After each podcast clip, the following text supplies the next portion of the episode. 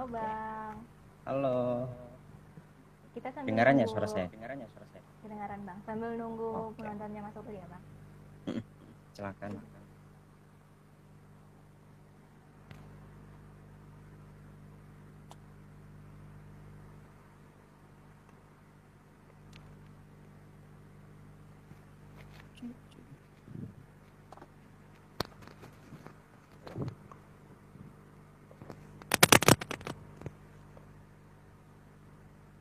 nih kabarnya Bang?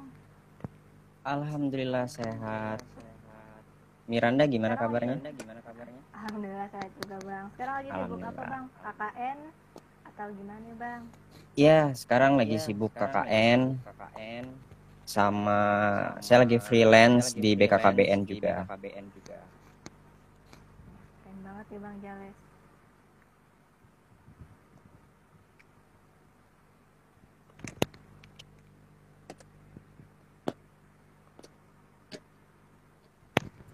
Kapan kalian PBL-nya, Dek? Kalian PBL-nya, Dek? Eh, bulan depan Bang, mulai tanggal Oh. 1 sampai Agustus. Oh gitu.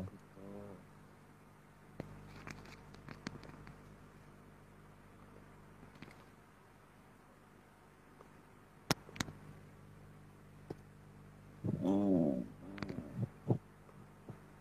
Ini sambil kita mulai aja kali ya Bang. Iya, silakan. silakan. Oke. Sebelumnya, Assalamualaikum warahmatullahi wabarakatuh.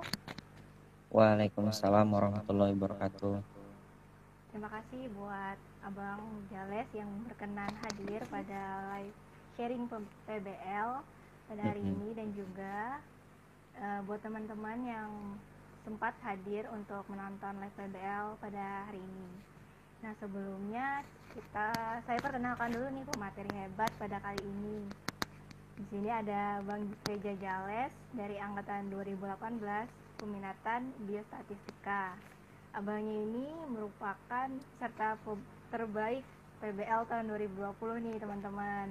Hebat banget gak abangnya, keren banget.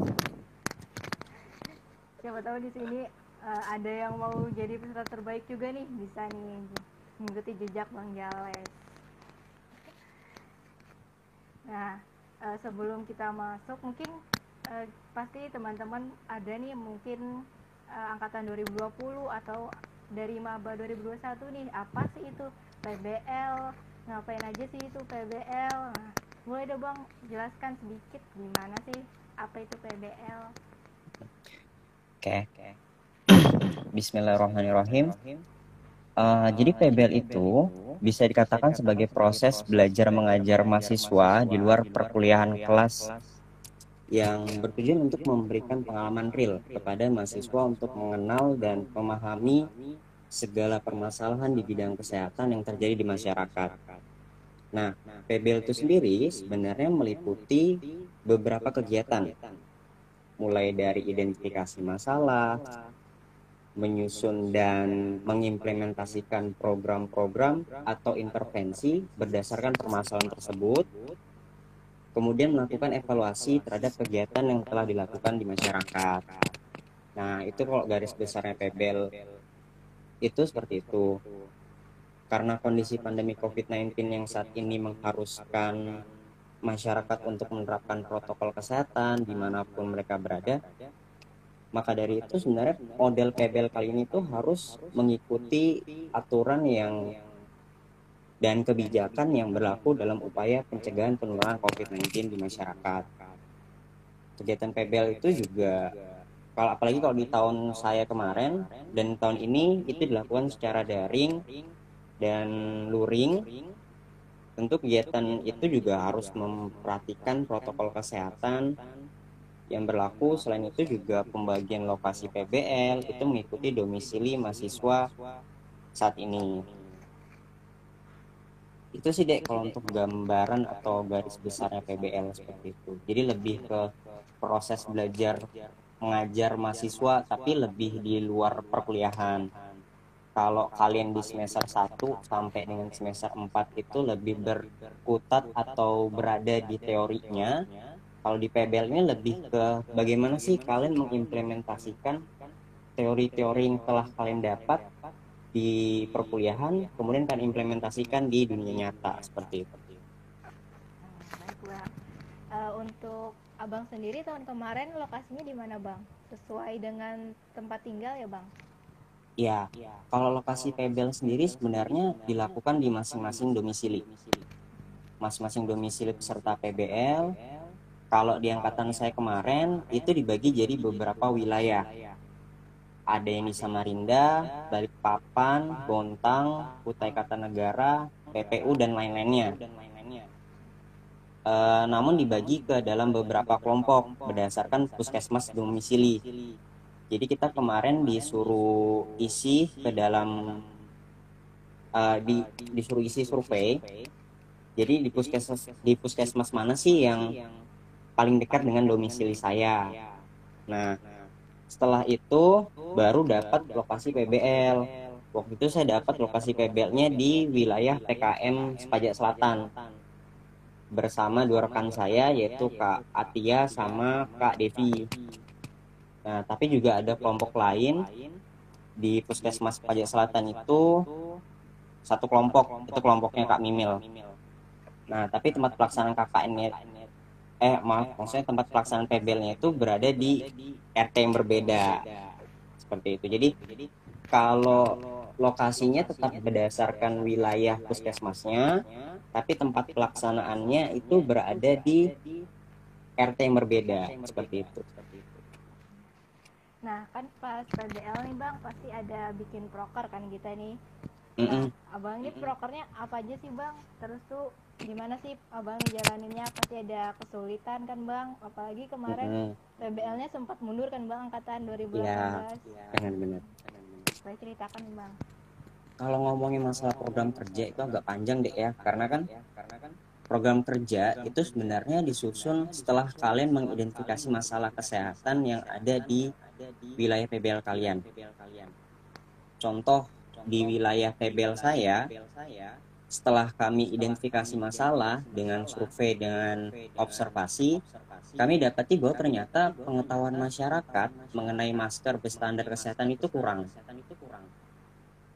Nah, kemudian juga masyarakat tuh sebenarnya tahu menggunakan masker, tapi ketika keluar rumah ataupun pergi berbelanja keluar, mereka menggunakan masker yang hanya satu lapis.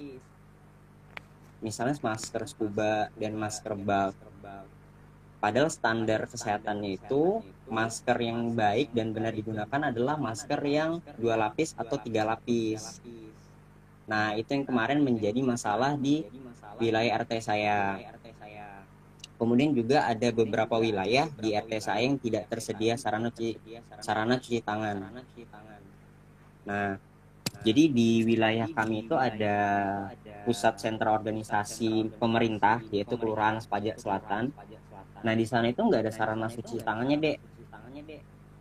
Padahal itu salah satu tempat yang paling sering dikunjungi oleh masyarakat di sana. Nah, makanya setelah setelah dapat tuh sudah mengidentifikasi masalah yang ada di masyarakat, kalian harus tentukan uh, setelah menentukan masalah, buat POA-nya atau plan of action-nya. Setelah itu tentukan prioritas masalah. Nah, menentukan prioritas masalah itu bisa menggunakan USG, MCUA atau CAL. Setelah itu lakukan FGD. Setelah FGD, nanti kan bisa lakukan tuh secara daring menggunakan Zoom meeting bersama masyarakat atau tokoh masyarakat yang ada di situ. Setelah itu baru masuklah ke perencanaan program. Nah, kalau program-program saya kemarin itu ada pembagian masker berstandar kesehatan, itu program kerjasama dengan Puskesmas Pajak Selatan dan kelompok 4 jadi waktu itu dalam rangka Hari Kesehatan Nasional. Jadi kita kerjasama sama mereka dan kita bagikan uh, masker di lampu merah Sempaja kemudian juga ada pemasangan media spanduk dan sosialisasi door to door menggunakan poster.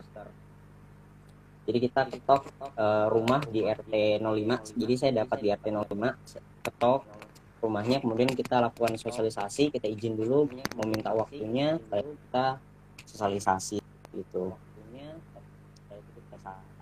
Kemudian eh, penyediaan sarana cuci tangan juga karena kemarin di kelurahan Sepaja Selatan itu juga nggak ada sarana cuci tangannya. Jadi kita kemarin kerjasama dengan kelurahan untuk mengadakan atau pengadaan sarana cuci tangannya. Hmm.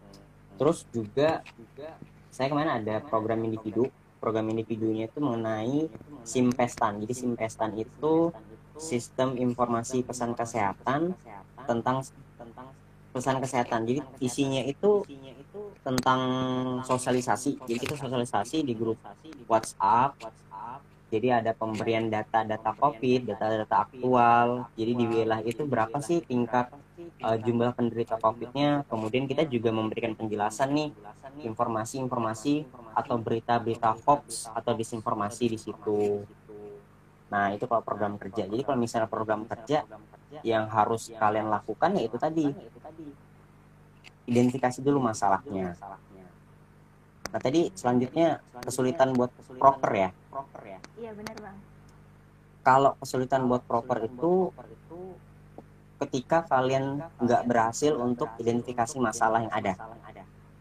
karena kalau di kelompok saya kemarin alhamdulillah kita nggak kesusahan karena kita nemu masalahnya yang ada Nah, kalau kata teman-teman saya, yang harus perhatikan itu tadi, kalian harus berhasil identifikasi masalah. Dan harus diperhatikan juga lebih spesifik uh, kemudian melihat masalah itu karena bakal mempengaruhi sasaran program kerja. Kemudian juga susah itu ketika kita memikirkan ini outputnya apa ya?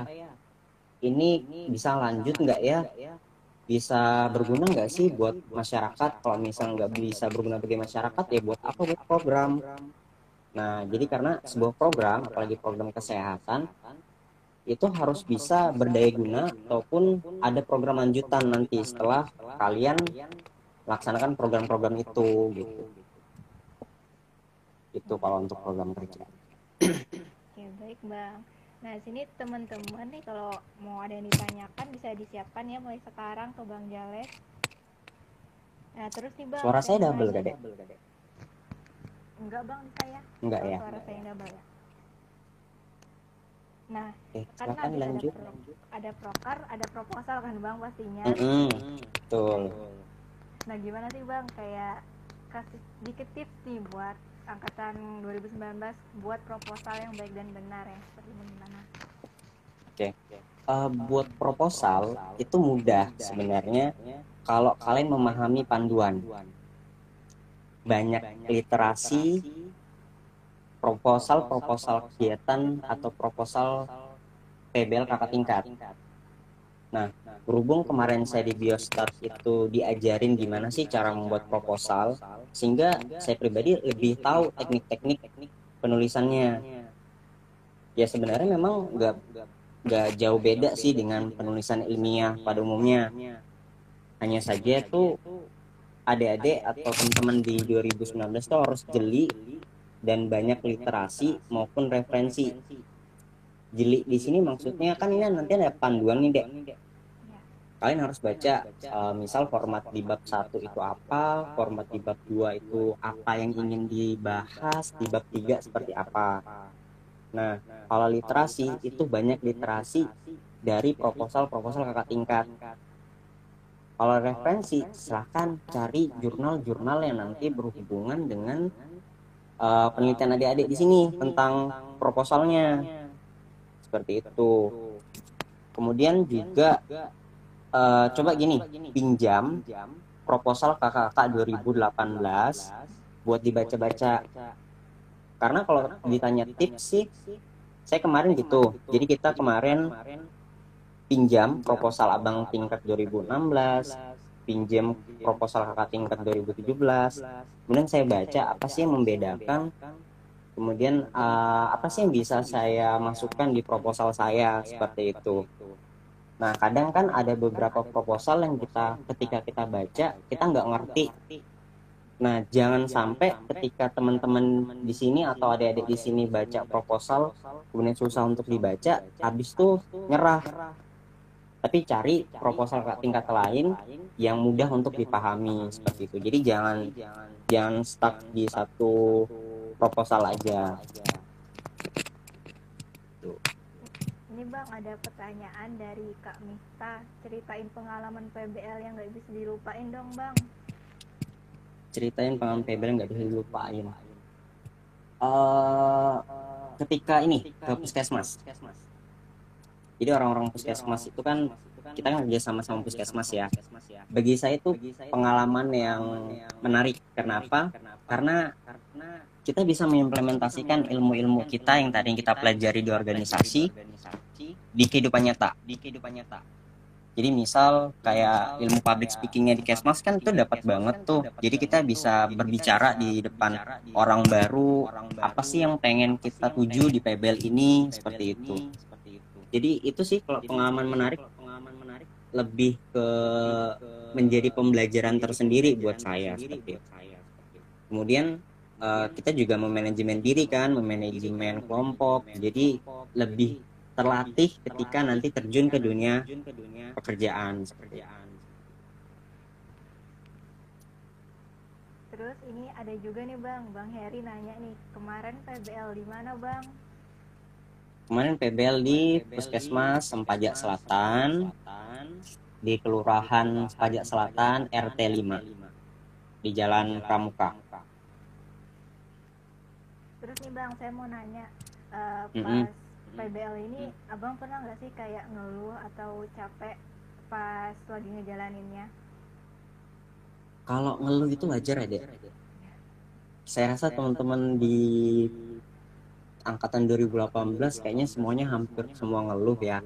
Karena kan kita pribadi PBL-nya berbeda dengan PBL angkatan sebelumnya apalagi kan kalau di pola pikir kita wah kayaknya seru nih kalau misalnya sama teman-teman di satu wilayah di satu kota gitu kan. Nah kalau kali ini kan kita pebel secara daring dan secara luring gitu. Apalagi kelompoknya kecil gitu. Nah jen ngeluh itu pasti ada. Apalagi capek. Karena kan waktunya jujur kalau saya pribadi waktunya itu sedikit banget deh satu bulan itu sebenarnya nggak cukup sih misalnya buat identifikasi masalah terus buat program. habis evaluasi. nah kemarin aja tuh kita dikejar waktu pas Semhas PBL 1 itu harus nyapi Sempro PBL 2 jadi harus benar-benar bisa memanajemen waktu.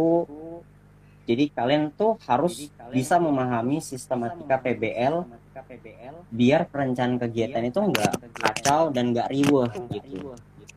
Hmm. Nah terus nih bang, uh, gimana sih caranya nanggepin kan pasti ada dosen pembimbing kan bang? Nah, dosen pembimbing ini gimana sih caranya supaya bisa kayak nyakinin dosen pembimbing ini kalau program yang kita jalani ini bisa dapat berjalan lancar gitu bang. Kadang kan ada kayak dosen pembimbing yang yeah. kurang ngepas yeah. gitu. Nah ini kembali ke bagaimana kalian mengkomunikasikannya ke dosen pembimbing.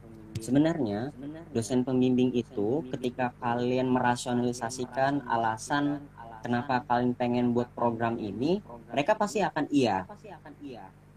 Nah kebanyakan dosen pembimbing nolak itu karena kalian sendiri nggak bisa merasionalisasikan. Kenapa sih ini menjadi masalah yang urgent untuk diselesaikan? Nah jadi itu tadi lebih fokus ke bagaimana sih kalian mengkomunikasikan. Kalau saya kemarin komunikasinya seperti ini. Kita kemarin uh, kan minta masalah atau cari masalahnya itu ke tokoh masyarakat. Dia tokoh masyarakatnya menilai uh, masalah apa sih yang ada di wilayah ini? Nah itu yang kita bawakan ke dosen pembimbing. Jadi nanti kita diskusi bu mohon maaf uh, untuk wilayah di sini. Kemarin setelah hasil diskusi dengan tokoh masyarakat situ beliau mengatakan seperti ini dan butuhnya seperti ini. Nah dengan komunikasinya seperti itu itu insya Allah bisa bisa tembus untuk program kerja. Jadi gimana sih caranya kalian berkomunikasi dan pemilihan kata yang tepat seperti itu? Itu tadi kalau misal untuk pembimbing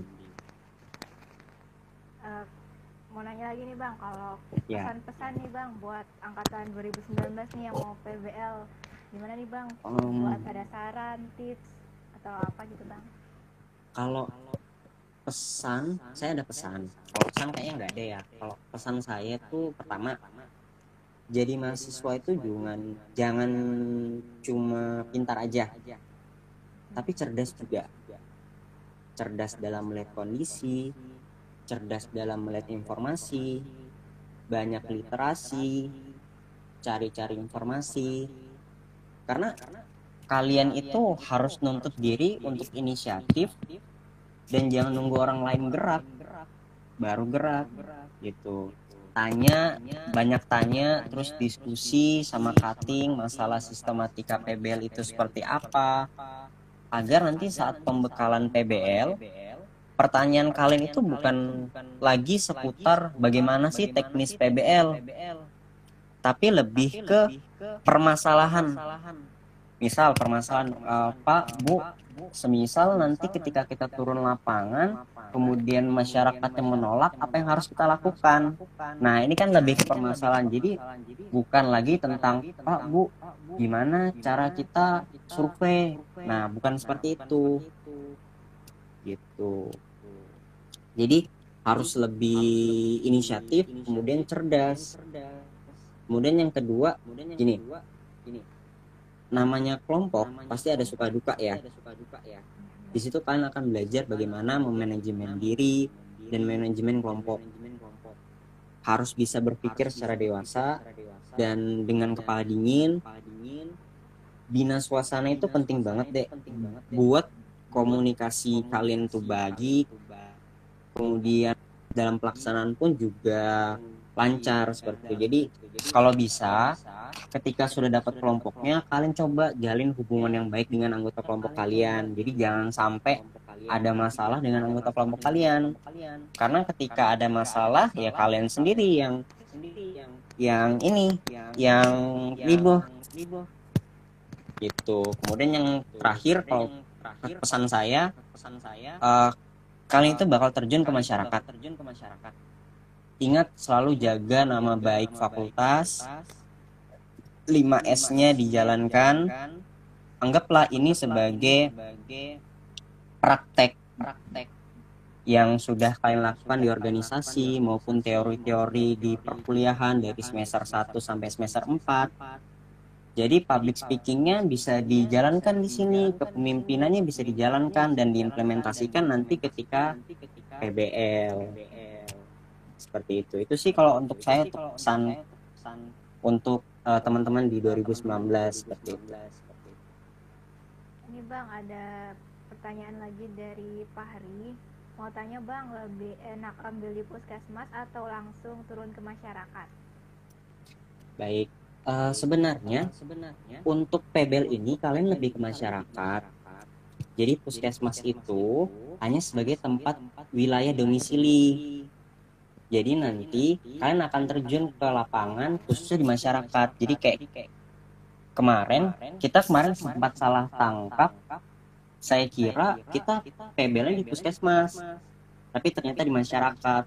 Jadi kalian yang yang PBL tahun ini itu fokusnya ke masyarakat. Jadi nanti misal nih uh, saya di puskesmas Pajak Selatan di Puskesmas Sempaja Selatan itu kan mencangkup berbagai macam wilayah deh ya. Misalnya ada wilayah Kelurahan Sepaja Timur, Kelurahan Sepaja Selatan. Nah, nanti kalian yang milih kelurahan di mana. Nanti setelah dapat kelurahan baru kalian tentukan RT mana yang menurut kalian ini urgen atau terdapat masalah yang menjadi kalau ke depannya ini menjadi masalah besar. Seperti itu. Jadi bukan ke puskesmasnya. gitu Fahri. Gimana Fahri? Eh, sebelumnya nih bang kita boleh mm -hmm. dulu ada ada ibu Rati nih bang. Selamat oh, malam Bu Rati iya. Selamat malam Bu Rati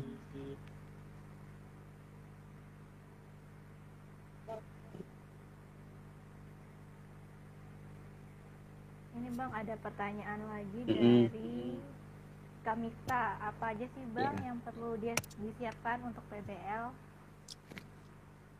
Kalau persiapan untuk PBL yang pertama, kalian harus banyak literasi deh. Itu penting banget.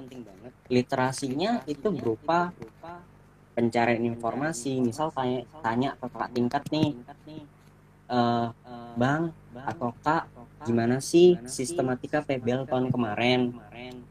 Tujuan untuk apa? Tujuannya agar kalian tahu kalian mau apa sih di PBL ini? Karena ketika kalian baru tahu tujuan PBL setelah pelaksanaan, kalian akan riweh di perencanaannya nanti.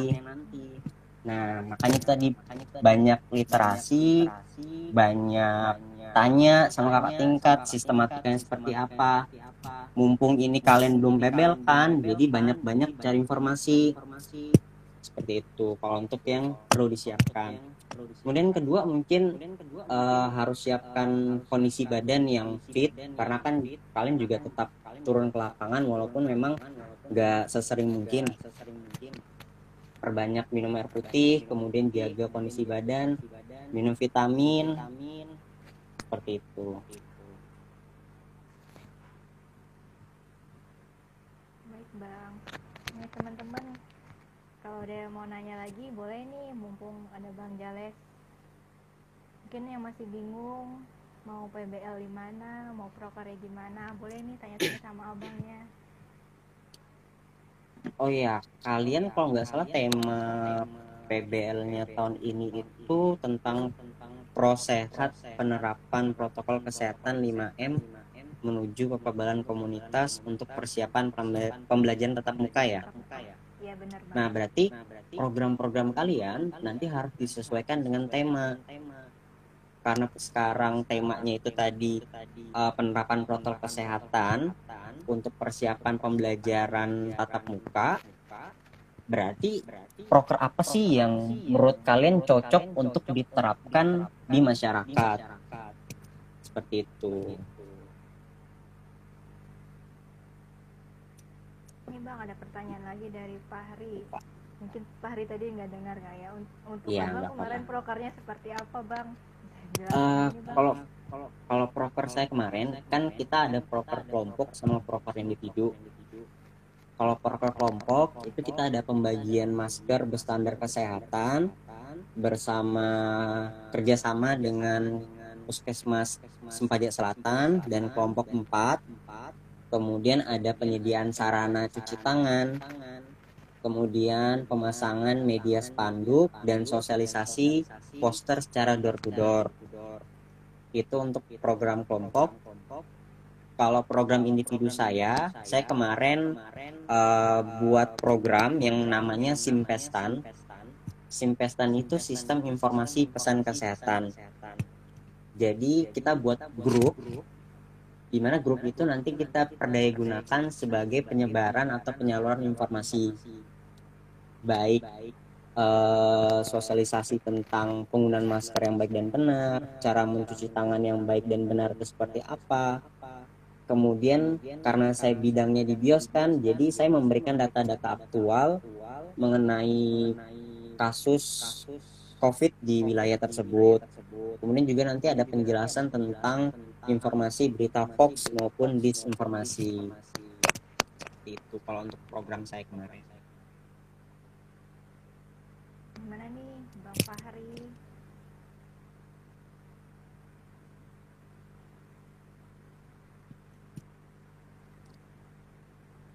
Mungkin teman-teman kalau ada yang mau nanya lagi dipersilakan ya.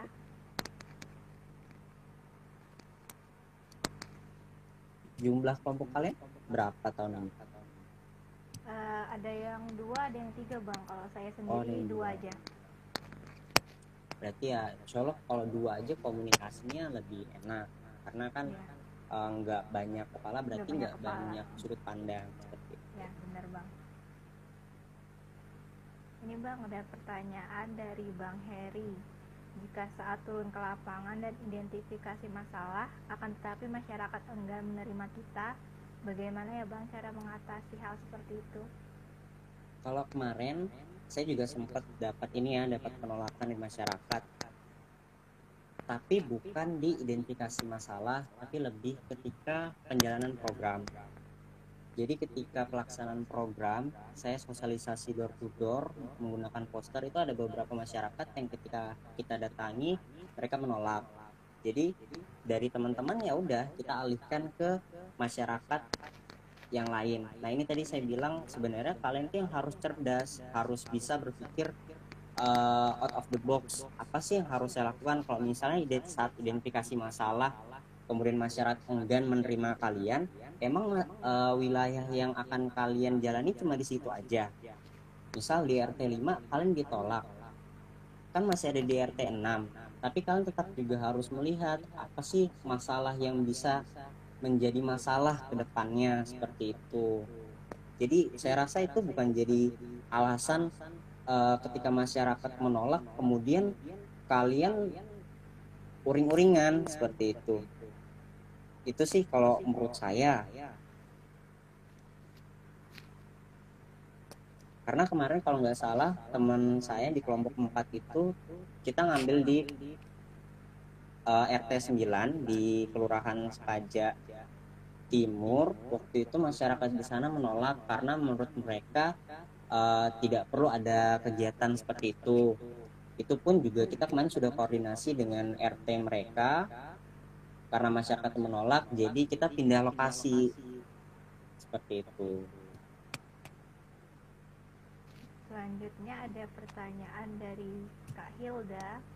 Bang untuk proker individunya apakah sifatnya harus berkelanjutan atau jangka panjang gitu Bang?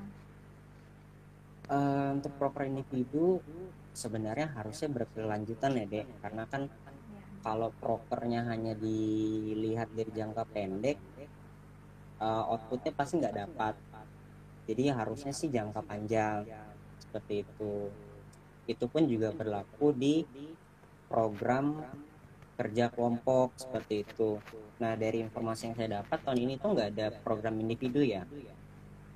Nggak ada bang Nah, berarti kalian harus fokuskan di program kerja dan harus memaksimalkan program kerja yang ada. Sehingga nanti ke depannya masalah-masalah kesehatan di wilayah tersebut tuh bisa teratasi dengan program yang kalian buat tadi. Makanya kalian harus buat program yang efisien dan efektif. Mungkin satu pertanyaan lagi ya Bang, kita boleh? Iya, silakan nih teman-teman 2019 yang masih bingung boleh nih tanya sama Bang Jales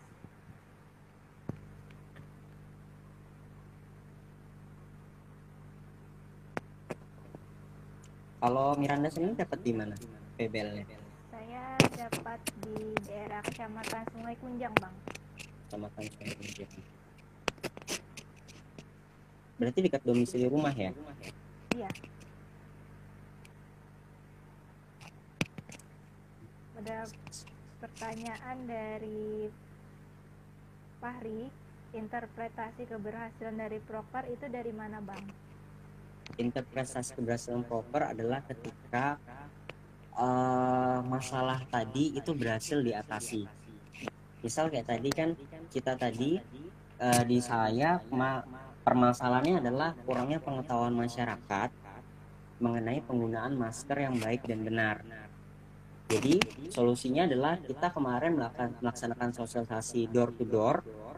Jadi kita kemarin pakai pre dan post test. Jadi ketika pre ternyata uh, pengetahuannya kurang.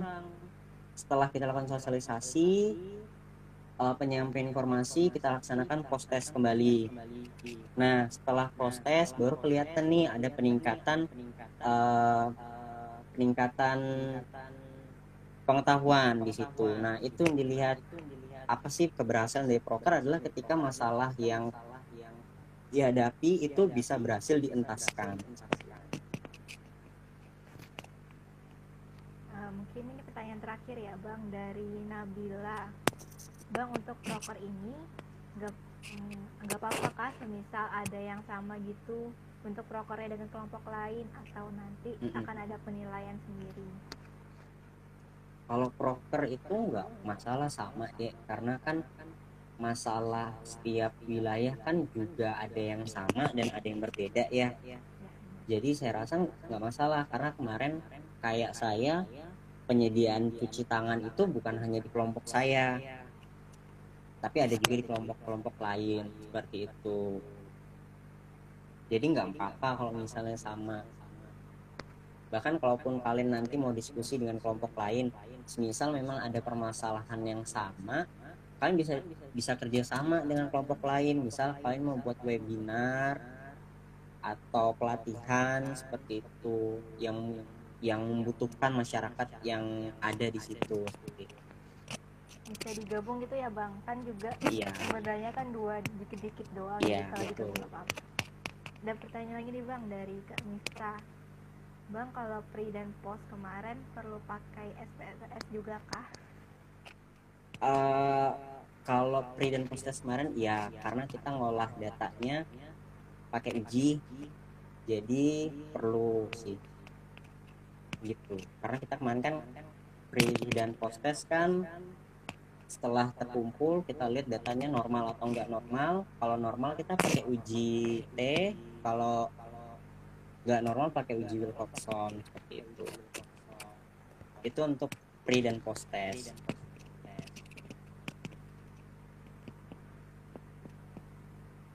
Itu itu Miranda. Baik bang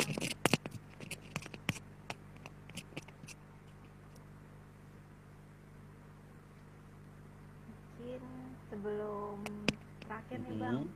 kita boleh sesi dokumentasi dulu ya bang oh boleh boleh.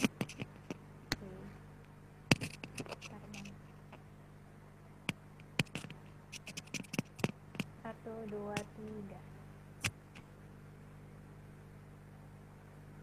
Lagi, sekali lagi ya bang. Satu, dua, tiga. Oke, terima kasih bang.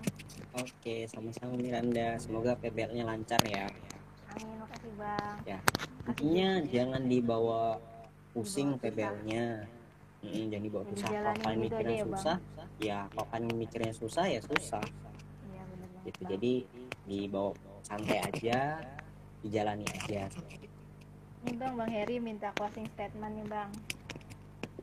Waduh, closing statement ya. Oke, closing statement saya itu tadi. Jadi mahasiswa tuh jangan cuman pintar aja, tapi cerdas juga. Cerdas dalam melihat kondisi, um, cerdas dalam melihat informasi, banyak literasi. Uh, kemudian tuh kalian harus nuntut diri untuk inisiatif. Jangan nunggu orang lain gerak baru kalian gerak. Gitu. Jadi saya rasa mahasiswa FKM tuh hebat-hebat ya jadi itu tadi kalian harus inisiatif dan banyak diskusi banyak cari informasi dan literasi ya Dengan berakhirnya closing statement dari Bang Jales, berakhir pula agenda sharing PBL kita pada hari ini. Saya selaku moderator memin- meminta maaf apabila ada kata dan perbuatan yang salah selama live ini. Saya juga berterima kasih kepada Bang Jales karena sudah menyempatkan waktunya untuk sharing dengan Kesma dan juga saya berterima kasih kepada penonton yang sudah menyempatkan waktunya dari awal hingga akhir. Nah, eh, live ini nanti akan ada juga di Spotify, Google Podcast, Apple Podcast, dan aplikasi musik streaming. Eh, saya akhirin. Wassalamualaikum warahmatullahi wabarakatuh. Terima kasih, Bang. Iya makasih nanti kalau ada yang pengen ditanya hubungi Ya, aja nanti insya Allah saya bantu Tanya aja, Bang Jales. Makasih, Bang. sama